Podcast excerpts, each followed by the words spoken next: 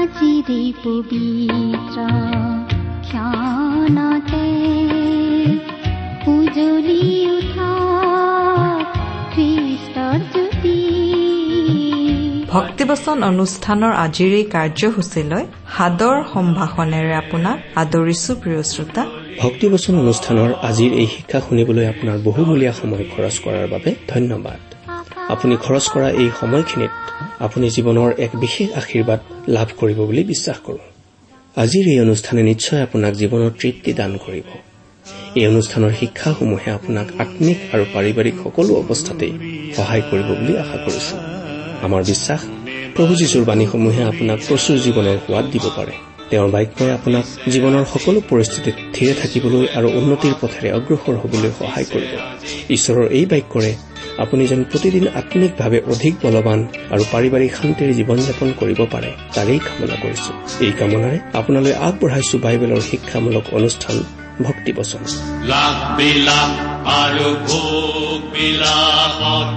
যদিহে বন্ধু আছা মজি লাখ বিলাস আৰু ভোগ বিলাসত যদিহে বন্ধু আছা মজি এবাৰ থমকি ৰৈ নীৰৱে শুনা যিচুৱে মাতিছে আজি। এবাৰ থমকি ৰৈ নীৰৱে শুনা যিচুৱে মাতিছে আজি।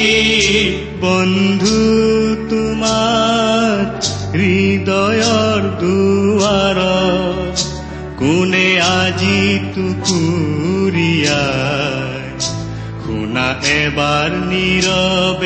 কাণ পাতি কোনে আমাৰ পৰম পবিত্ৰ প্ৰভু যীশুখ্ৰীষ্টৰ নামত নমস্কাৰ প্ৰিয় শ্ৰোতা। আশা কৰো মহান পিতা পৰমেশ্বৰৰ মহান অনুগ্ৰহত আপুনি ভালে কুশলে আছে। লগতে এই বুলিও আশা কৰিছো যে আপুনি আমাৰ এই ভক্তিপচন অনুষ্ঠানটো নিয়মিতভাৱে শুনি আছে। যদিহে আজি প্ৰথমবাৰৰ বাবে শুনিছে শুনি কেনে পালে আমালৈ চিঠি লিখি জনাবচোন? যদিহে আপুনি আমাৰ নিয়মীয়া শ্ৰোতা কিন্তু কেতিয়াও আমালৈ চিঠি পত্ৰ লিখা নাই তেনেহলে আজিয়েই লিখিবচোন। আৰু যদিহে আমালৈ মাজে সময়ে চিঠি পত্ৰ লিখি আছে তেনেহলে আপোনাক ধন্যবাদ জনাইছো। আহকচোন আজিৰ বাইবেল অধ্যয়ন আৰম্ভ কৰাৰ আগতে খন্তেক প্ৰাৰ্থনাত মূৰ দুৱাওঁ। স্বৰ্গত থকা অসীম দয়ালু পিতৃশ্বৰ তোমাৰ মহান নামৰ ধন্যবাদ কৰো। তুমি সৰ্বশক্তিমান সৰ্বব্যাপী সৰ্বজ্ঞানী ঈশ্বৰ হৈও আমাৰ দৰে ক্ষুদ্ৰ মানৱক যে ইমান প্ৰেম কৰা সেই কথা ভাবিলেই আচৰিত হওঁ। তুমি আমাক ইমানেই প্ৰেম কৰিলা যে আমাক পৰিত্ৰাণ দিবলৈ তুমি তোমাৰ একেজাত পুত্ৰ যীশুখ্ৰীষ্টকেই আমালৈ দান কৰিলা। তেওঁ আমাৰ সকলো পাপৰ বোজা নিজৰ কান্ধত লৈ আমাৰ হৈ ক্ৰুচত প্ৰাণ দিলে। নিজৰ পবিত্ৰ তেজেৰে আমাৰ পাপৰ প্ৰায়চিত্ৰ কৰিলে। এতিয়া আমি তোমাৰ মহান বাক্য বাইবেল শাস্ত্ৰ অধ্যয়ন কৰিবলৈ ওলাইছো। তোমাৰ বাক্য তুমিয়েই আমাক বুজাই দিয়া। অনুষ্ঠান শুনি থকা প্ৰতিজন শ্ৰোতাক তুমি উপচি পৰাকৈ আশীৰ্বাদ কৰা। কিয়নো এই প্ৰাৰ্থনা আমাৰ মহান ত্ৰাণকৰ্তা মৃত্যুঞ্জয় প্ৰভু যীশুখ্ৰীষ্টৰ নামত আগবঢ়াইছো।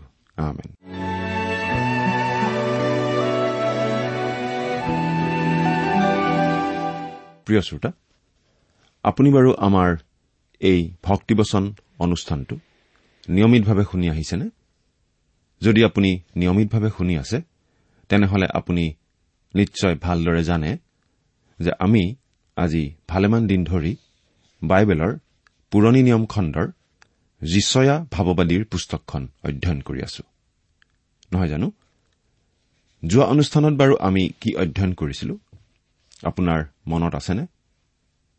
আমি যোৱা অনুষ্ঠানত এই যিচয়া ভাৱবাদীৰ পুস্তকখনৰ বত্ৰিশ নম্বৰ অধ্যায়ৰ একেবাৰে শেষৰটো পদলৈকে পঢ়ি আমাৰ আলোচনা আগবঢ়াইছিলো।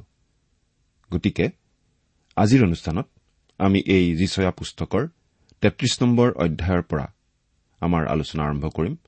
তেত্ৰিশ নম্বৰ অধ্যায়ৰ এক নম্বৰ পদৰ পৰা আমাৰ আলোচনা আৰম্ভ কৰি একেবাৰে চৌত্ৰিশ নম্বৰ অধ্যায়ৰ পাঁচ নম্বৰ পদলৈকে আমি চাম।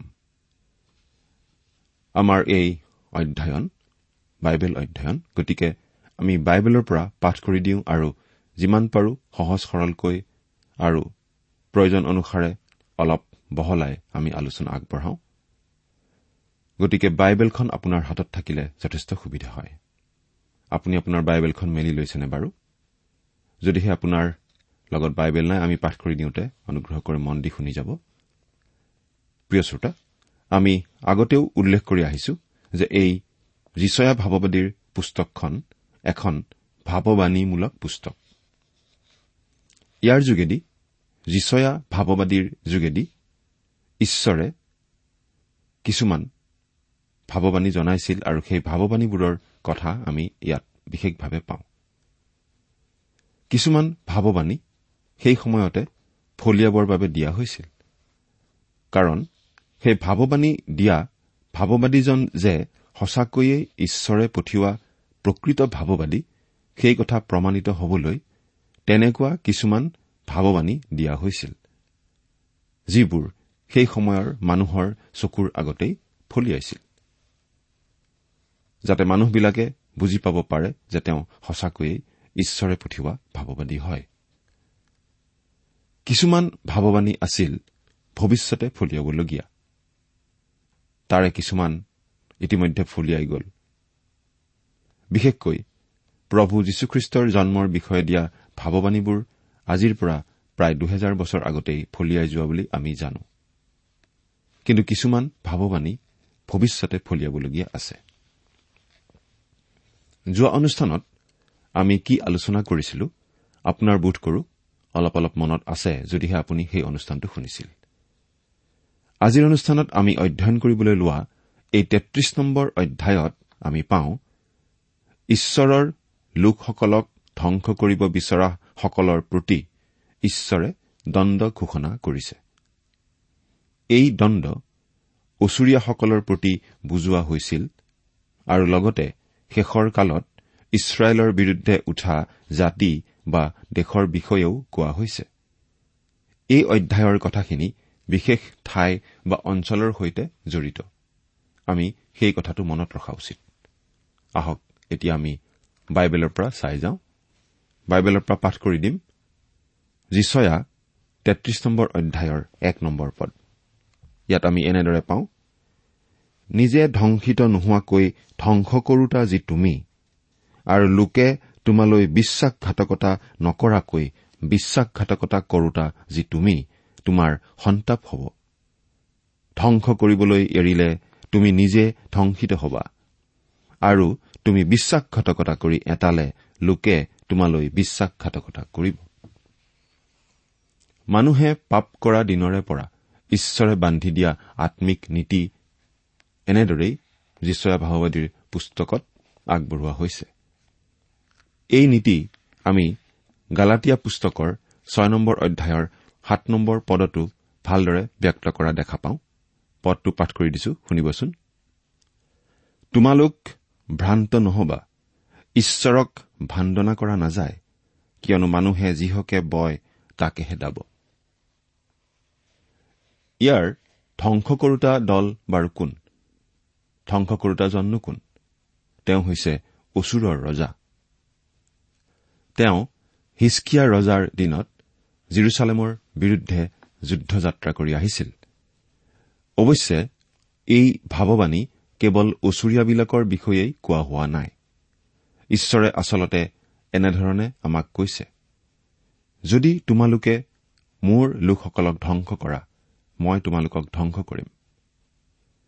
ঈশ্বৰে তেওঁৰ লোকসকলৰ হৈ প্ৰতিশোধ ল'ম বুলি প্ৰতিজ্ঞা কৰিছে। ইয়াৰ যোগেৰে প্ৰতিজন খ্ৰীষ্টীয় বিশ্বাসীৰ বাবে বিশেষ বাৰ্তা আছে। আমি খ্ৰীষ্টীয় বিশ্বাসীসকলেও ঈশ্বৰকেই আমাৰ হৈ প্ৰতিশোধ লোৱাৰ কামটো কৰিবলৈ দিব লাগে।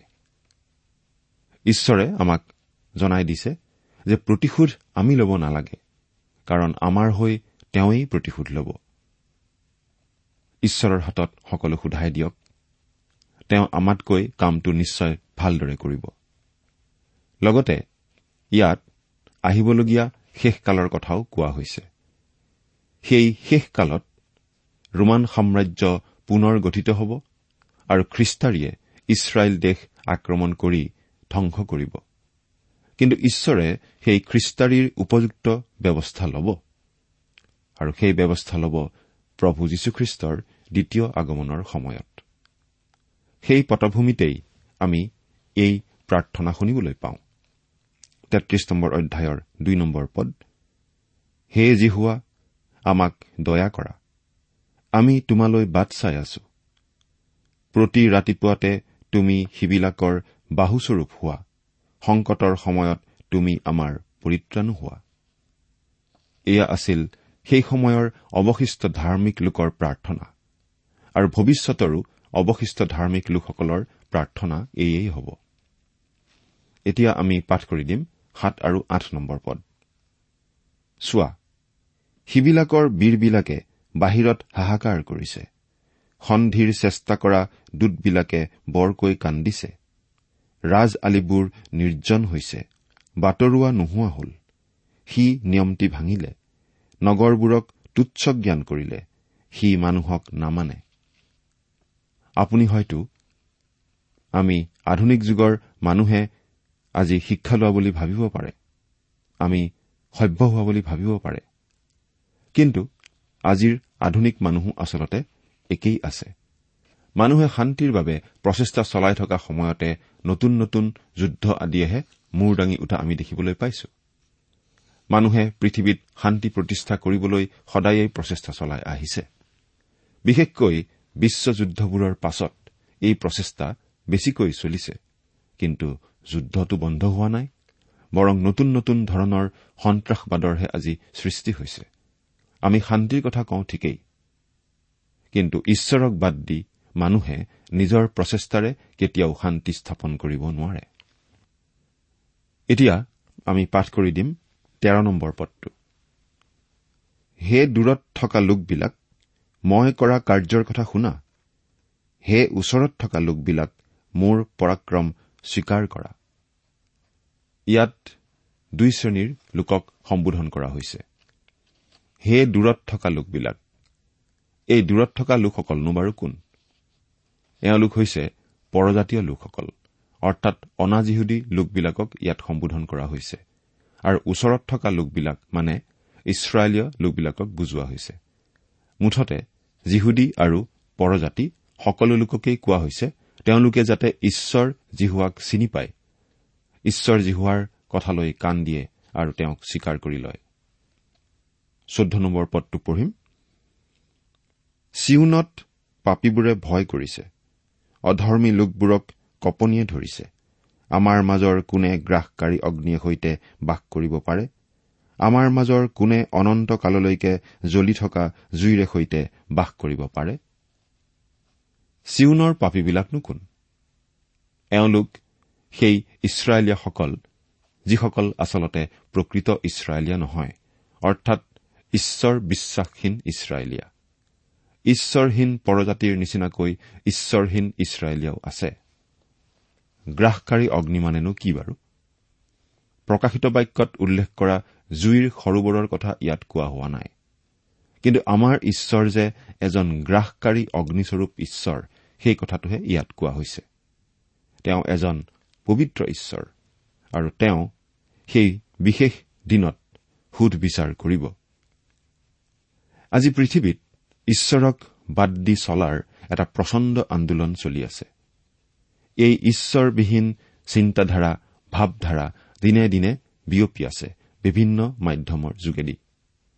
সেইবাবে আমিও ঈশ্বৰৰ বাক্য বিলাই আছো। আমি কিমান দিনলৈকে এই কাম কৰি থাকিব পাৰিম ক'ব নোৱাৰো কিন্তু যিমান দিনলৈকে ঈশ্বৰে আমাক এই সুবিধা দি থাকে সিমান দিনলৈকে আমি এই কাম নিশ্চয় কৰি থাকিম। ঈশ্বৰৰ সুধবিচাৰ আহি আছে। গতিকে ঈশ্বৰৰ লোকসকলে ঈশ্বৰৰ বাক্য বিয়পাই থকা কামত মন পুতি লাগি থকা উচিত। ঈশ্বৰৰ সুধবিচাৰৰ কথাটো কোনো আকৰ্ষণীয় বিষয় নহয়। এই কথাটো শুনিবলৈ মানুহে কেতিয়াও ভাল নাপায়। এই কথা ঘোষণা কৰিলে আমাক মানুহে নিশ্চয় ভাল নাপায়। আমাৰ বন্ধুৰ সংখ্যা নিশ্চয় নাবাঢ়ে। কিন্তু এইবোৰ যিচয়া ভাওবাদীৰ যোগেদি ঈশ্বৰে আমাক জনাই দিয়া কথা। গোটেই মানৱ জাতিয়ে এই কথা শুনিবলৈ পোৱাটো ঈশ্বৰে বিচাৰে। এতিয়া পোন্ধৰ আৰু ষোল্ল নম্বৰ পদ পাঠ কৰিম। যিজনে ধাৰ্মিকতাৰ পথত চলে আৰু ন্যায় কথা কয় যিজনে অত্যাচাৰ কৰি পোৱা লাভ ঘীন কৰে যিজনে ভেটি ল'বলৈ নিজ হাত কোঁচায় যিজনে ৰক্তপাতৰ আলচ নুশুনিবলৈ কাণত সোপা দিয়ে যিজনে কুকৰ্ম দেখাৰ পৰা নিজ চকু মুদে। সেইজনে উচ্চ স্থানত বাস কৰিব। সেইজনৰ ৰক্ষাস্থান শিলবোৰৰ দুৰ্গম ঠাই হ'ব। সেইজনৰ আহাৰ সেইজনক দিয়া যাব। সেইজনৰ পানীৰ সংশয় নহ'ব। যিসকল লোকে প্ৰভু যীশুখ্ৰীষ্টক ত্ৰাণকৰ্তা বুলি গ্ৰহণ কৰিছে তেওঁলোকক ঈশ্বৰে ধাৰ্মিক বুলি ঘোষণা কৰিছে। তেওঁলোকক ধাৰ্মিকতাৰ পথত চলি থাকিবলৈও কোৱা হৈছে। সেই ভয়ানক দিনত আমি দেখিবলৈ পাম যে য'ত পাপ উপচি পৰিছে তাতে ঈশ্বৰৰ অনুগ্ৰহও উপচি পৰিছে। আৰু এতিয়া সেই অনুগ্ৰহৰ কালেই চলি আছে। ঈশ্বৰে অনুগ্ৰহ কৰি আমালৈ পৰিত্ৰাণৰ বহুমূলীয়া আশীৰ্বাদ বিনামূল্যে আগবঢ়াই আছে। প্ৰভু যীশুখ্ৰীষ্টক ত্ৰাণকৰ্তা বুলি গ্ৰহণ কৰি আমি আমাৰ সকলো পাপৰ প্ৰায়চিত্ৰ লাভ কৰি ঈশ্বৰৰ সেই অনুগ্ৰহৰ আশীৰ্বাদ গ্ৰহণ কৰিব পাৰো। সোতৰৰ পৰা ঊনৈশ নম্বৰ পদ পঢ়ি দিম। তুমি নিজ চকুৰে ৰজাজনাক তেওঁৰ সৌন্দৰ্য অৱস্থাত থকা দেখিবা। তুমি নিজ চকুৰে দূৰলৈকে ব্যাপি থকা দেশ দেখিবলৈ পাবা। তোমাৰ মনে হৈ যোৱা সংকটৰ বিষয়ে ভাবিব। যিজনে কৰ লিখিছিল যিজনে ধন জুখিছিল যিজনে কোঠবোৰ গণনা কৰিছিল সেইজন কত? তুমি বুজিব নোৱাৰা নিগৃঢ় ভাষা কওঁতা তুমি তৎ ধৰিব নোৱাৰা অস্পষ্ট কথা কওঁতা যি ক্ৰূৰ জাতি সেই জাতিক তুমি আৰু দেখিবলৈ নাপাবা। আমি অধৰ্মী লোকৰ পতন হোৱা দেখিম আৰু প্ৰভু যীশুৰ ন্যায় শাসন প্ৰতিষ্ঠা হোৱা দেখিবলৈ পাম। সেইদিন আহি আছে। বিশ আৰু একৈশ নম্বৰ পদ। আমাৰ উৎসৱ নগৰী চিউনলৈ তুমি দৃষ্টি কৰা। যাৰ খুটি কেতিয়াও উঘালিব নোৱাৰি যাৰ ৰছী কেতিয়াও নিচিগে স্থানান্তৰ কৰিব নোৱাৰা এনে তম্বুৰূপ শান্তি নিবাস যি জিৰচালেম তোমাৰ নিজ চকুৱে তাক দেখিবলৈ পাব। কিন্তু সেই ঠাইত জিহুৱা আমাৰ নিমিত্তে গৌৰৱান্বিত হৈ বহল নৈৰ আৰু সুঁতিৰ ঠাইস্বৰূপ হ'ব। তাত বঠাৰে চলোৱা বৃহৎ নাও বা প্ৰকাণ্ড জাহাজ নচলিব। বাবিলনে ইউফ্ৰেটিছ নদীক লৈ গৌৰৱ কৰিব পাৰিছিল। ওচৰীয়াসকলে টাইগ্ৰীছ নদীক লৈ গৌৰৱ কৰিব পাৰিছিল। মিছৰীয়াসকলে নীল নদীক লৈ গৌৰৱ কৰিব পাৰিছিল। কিন্তু জিৰচালেম আছিল চাৰিওফালে স্থলভাগ থকা নগৰ। চাৰিওফালে মাটিৰে আগুৰা নগৰ। কোনো সাগৰ তেওঁলোকৰ ওচৰত নাছিল কোনো ডাঙৰ নদী বন্দৰো নাছিল। তেনেদৰে গৌৰৱ কৰিবলগীয়া একো নাছিল। কিন্তু জখৰীয়া ভাৱবাদীয়ে এটা অতি গুৰুত্বপূৰ্ণ ভাৱবাণী কৰিছে আৰু সেই ভাৱবাণী মতে আমি বিশ্বাস কৰিব পাৰো যে সেই এহেজাৰ বছৰীয়া ৰাজত্বৰ কালত জিৰচালেমত এটা বন্দৰ সৃষ্টি হ'ব। জিৰচালেমে এটা বন্দৰ পাব। আমি এতিয়া চাব খুজিছো জোখৰীয়া ভাৱবাদীৰ পুস্তকৰ সেই বিশেষ ভাৱবাণীটো আৰু সেইদিনা পূবফালে জিৰচালেমৰ সন্মুখত থকা জৈতুন পৰ্বতৰ ওপৰত তেওঁৰ চৰণ স্থিতি হ'ব আৰু জৈতুন পৰ্বত মাজতে পূব আৰু পশ্চিম ফাললৈ ফাটিব আৰু বৰ ডাঙৰ উপত্যকা হৈ যাব। পৰ্বতৰ এফালে উত্তৰ দিশে আৰু আনফালে দক্ষিণ দিশে হুহকি যাব। তাতে তোমালোক মোৰ পৰ্বত দুখনৰ উপত্যকাইদি পলাবা। কিয়নো পৰ্বত দুখনৰ সেই উপত্যকা আচললৈকে বিস্তৃত হ'ব। এনেকে জিহুদাৰ ৰজা উজ্জিয়াৰ ৰাজত্বৰ সময়ত ভূমিকম্প হওঁতে যেনেকৈ তোমালোক পলাইছিলা তেনেকৈ পলাবা। আৰু মোৰ ঈশ্বৰ জিহুৱা আহিব। তোমাৰে সৈতে সকলো পবিত্ৰ লোক আহিব। আৰু সেইদিনা পোহৰ নহ'ব জ্যোতিবোৰ ম্লান হৈ যাব। কিন্তু সেয়ে জিহুৱাই জনা অনুপম দিন হ'ব। সেয়ে দিনো নহয় ৰাতিও নহয় কিন্তু সন্ধ্যা সময়ত পোহৰ হ'ব। আৰু সেইদিনা জিৰচালেমৰ পৰা জীৱন্ত জলসমূহ ওলাব তাৰ আধা পূব সমুদ্ৰৰ ফাললৈ আন আধা পশ্চিম সমুদ্ৰৰ ফাললৈ যাব। সেয়ে ঘাম আৰু জাৰ কালতো থাকিব। আমি বিশ্বাস কৰো যে সেই ভূমিকম্পৰ ফলত ভূমধ্য সাগৰলৈকে এটা দ উপত্যকাৰ সৃষ্টি হ'ব। আৰু সেই এহেজাৰ বছৰীয়া শাসনকালত জিৰচালেম এখন সমুদ্ৰ বন্দৰ হৈ পৰিব। এই ভাৱবাণী আক্ষৰিক অৰ্থত ফলিয়ালেও ইয়াৰ এটা আম্মিক প্ৰয়োগো আছে। জিহুৱা আমাৰ নিমিত্তে গৌৰৱান্বিত হৈ বহল নৈৰ আৰু সুঁতিৰ ঠাইস্বৰূপ হ'ব। স্বয়ং ঈশ্বৰেই ইছৰাইলৰ সকলো প্ৰতিৰক্ষা আৰু আশীৰ্বাদৰ উৎস। এতিয়া আমি বাইছ আৰু তেইছ নম্বৰ পদ দুটা পাঠ কৰি দিব খুজিছো। কিয়নো জিহুৱা আমাৰ বিচাৰকৰ্তা জিহুৱা আমাৰ ব্যৱস্থাপক জিহুৱা আমাৰ ৰজা তেওঁই আমাক পৰিত্ৰাণ কৰিব। তোমাৰ ৰছীবোৰ ঢিলা হৈ পৰিছে সিহঁতে মাছটোল থিৰকৈ ৰাখিব নোৱাৰে সিহঁতে পাল তৰিব নোৱাৰে সেই কালত অনেক লুটদ্ৰব্য ভাগ বাটি দিয়া হল লেঙেৰায়ো লুটদ্ৰব্য নিলে। জিহুৱাই তেওঁলোকৰ সকলো তেওঁই আজি আমাকো বিনামূল্যে পৰিত্ৰাণ দিছে। তেওঁই আমাৰ সকলো। চৌবিশ নম্বৰ পদ মই নৰিয়া এই বুলি নগৰ নিবাসীয়ে নকব। তাত থকা লোকবিলাকৰ অপৰাধ ক্ষমা কৰা হ'ব। এয়া জিৰচালেমৰ বাবে এটা গৌৰৱময় আশাৰ দিনৰ কথা জনোৱা হৈছে। বিশ্বাসৰ চকুৱে সন্মুখত থকা ভয়ানক মহাক্লেশ আৰু তাৰণাৰ সিপাৰে থকা ভৱিষ্যতৰ গৌৰৱময় উজ্জ্বল আশাৰ দিনবোৰলৈ চাই পঠিয়াইছে। তেতিয়া শান্তিৰাজ যীশুখ্ৰীষ্টই জগতলৈ প্ৰকৃত শান্তি আনিব। এতিয়া আমি চৌত্ৰিশ নম্বৰ অধ্যায়ৰ অধ্যয়ন আৰম্ভ কৰিব খুজিছো। ইয়াত আমি পাওঁ পৃথিৱীত হ'বলগীয়া শেষৰখন মহাসমৰৰ কথা আৰ্মাগেডনৰ যুদ্ধৰ কথা। এই অধ্যায়টোত যীশুৱা পুস্তকখনৰ এটা অংশৰ সামৰণি পৰিছে বুলি আমি ক'ব পাৰোঁ। এই অংশটোক আমি ক'ব পাৰোঁ ৰাজ্য প্ৰক্ৰিয়া আৰু কাৰ্যসূচী যাৰ দ্বাৰা পৃথিৱীত যীশুখ্ৰীষ্টৰ ৰাজ সিংহাসন প্ৰতিষ্ঠা হ'ব। এই গোটেই অংশটোৰ মূল বিষয়ৰ নিচিনা আছিল ঈশ্বৰৰ পৰা জগতলৈ নামি অহা সুধবিচাৰৰ কথা। আমি ছয়টা সন্তাপৰ কথা ইতিমধ্যে পালো আৰু এই বিষয়ে থকা ভাৱবাণীবোৰ এফালৰ পৰা আলোচনা কৰি আহিলো। আমি যিচয়াই কোৱা স্থানীয় ভাৱবাণী এটাৰ কথা পালো। তাৰ পাছত ক্ৰমে চাৰিওফালৰ অঞ্চলৰ বিষয়ে কোৱা ভাৱবাণী শেষৰ কালত হ'বলগীয়া মহাক্লেশ আৰু সেই আহিবলগীয়া সুধবিচাৰৰ কথাও আমি চালো। আৰু তাৰ সিপাৰে আমি চালো প্ৰভু যীশুখ্ৰীষ্টৰ দ্বিতীয় আগমনৰ কথা তেওঁ যে এদিন ৰজা হিচাপে শাসন কৰিবলৈ আহিব সেই কথা। কিন্তু আজিৰ এই দিনত আমি আচলতে এজন ৰজা বিচাৰি থকা নাই। আমি বিচাৰি আছো এজন পৰিত্ৰতা।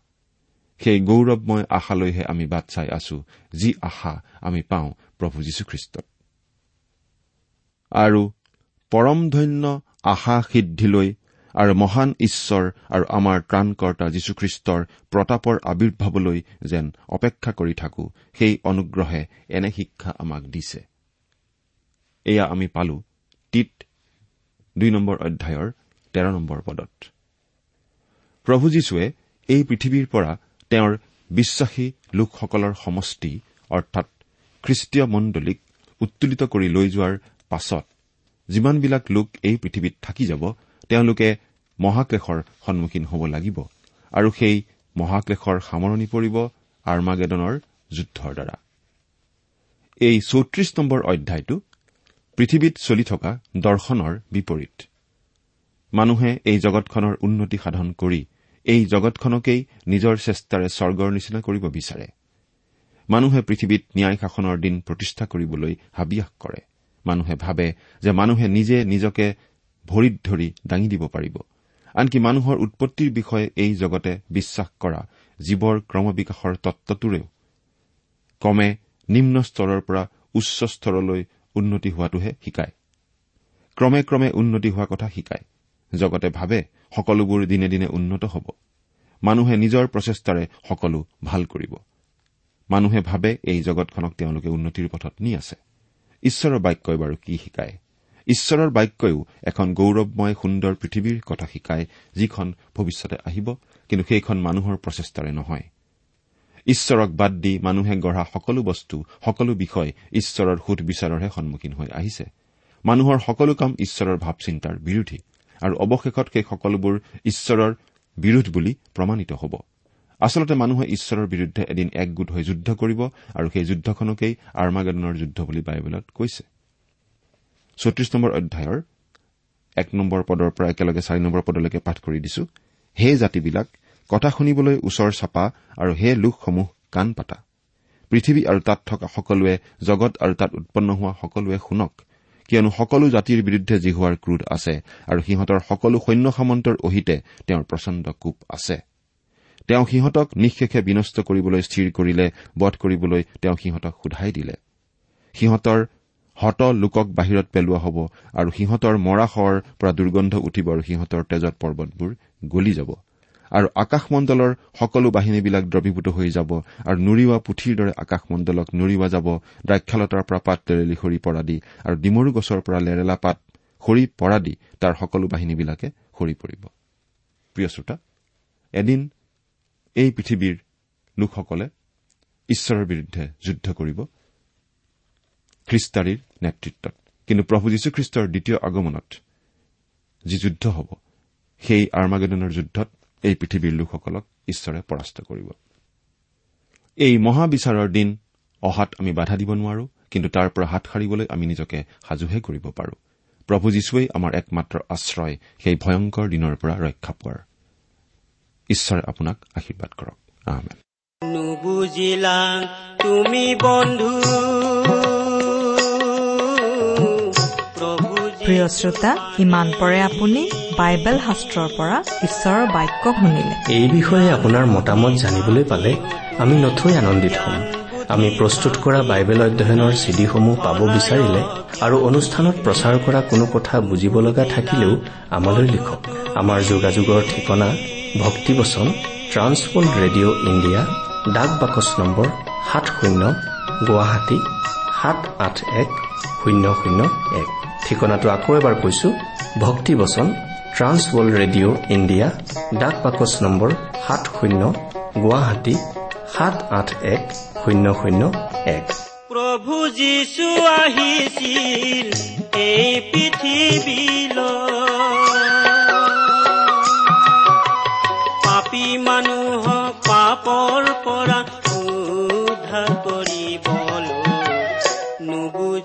আমাৰ ইমেইল এড্ৰেছটো হৈছে Assamese T TV at the rate radio' eight eight two dot com আমাৰ website W W W dot T W R dot in আপুনি টেলিফোনৰ মাধ্যমেৰেও আমাক যোগাযোগ কৰিব পাৰে। আমাৰ টেলিফোন নম্বৰটো হৈছে nine eight five four zero' four zero' eight eight nine phone নম্বৰটো আকৌ এবাৰ কৈছো ন আঠ পাঁচ চাৰি শূন্য চাৰি শূন্য আঠ আঠ ন। আপুনি এই ভক্তিবচন অনুষ্ঠানটি আমাৰ website W W W dot radio' eight eight two dot কমতো শুনিব পাৰিব। আজিৰ অনুষ্ঠানটি ইমানতেই সামৰিছো। ঈশ্বৰৰ শান্তি আৰু অনুগ্ৰহ আপোনাৰ লগত থাকক। ধন্যবাদ। শুনা বন্ধু প্ৰভু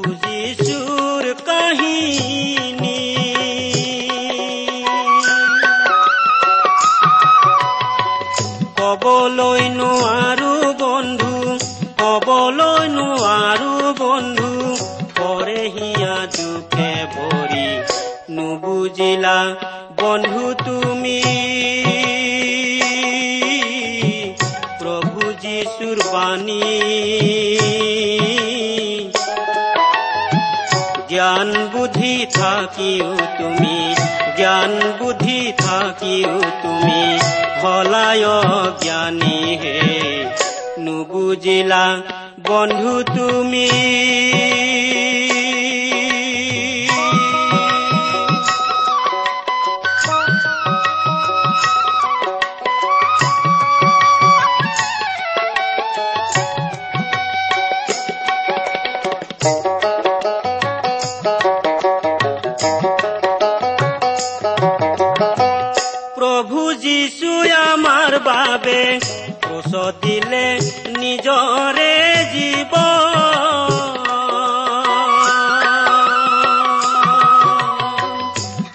যে যাতনা ভুঞ্জিলে আমাৰ বাবে আমাৰ বাবে নুবুজিলা বন্ধু তুমি। প্ৰভু যীশুৰ বাণী। জ্ঞান বুদ্ধি থাকিও থাকিও তুমি হলায় জ্ঞানী হে। নুবুজিলা বন্ধু তুমি।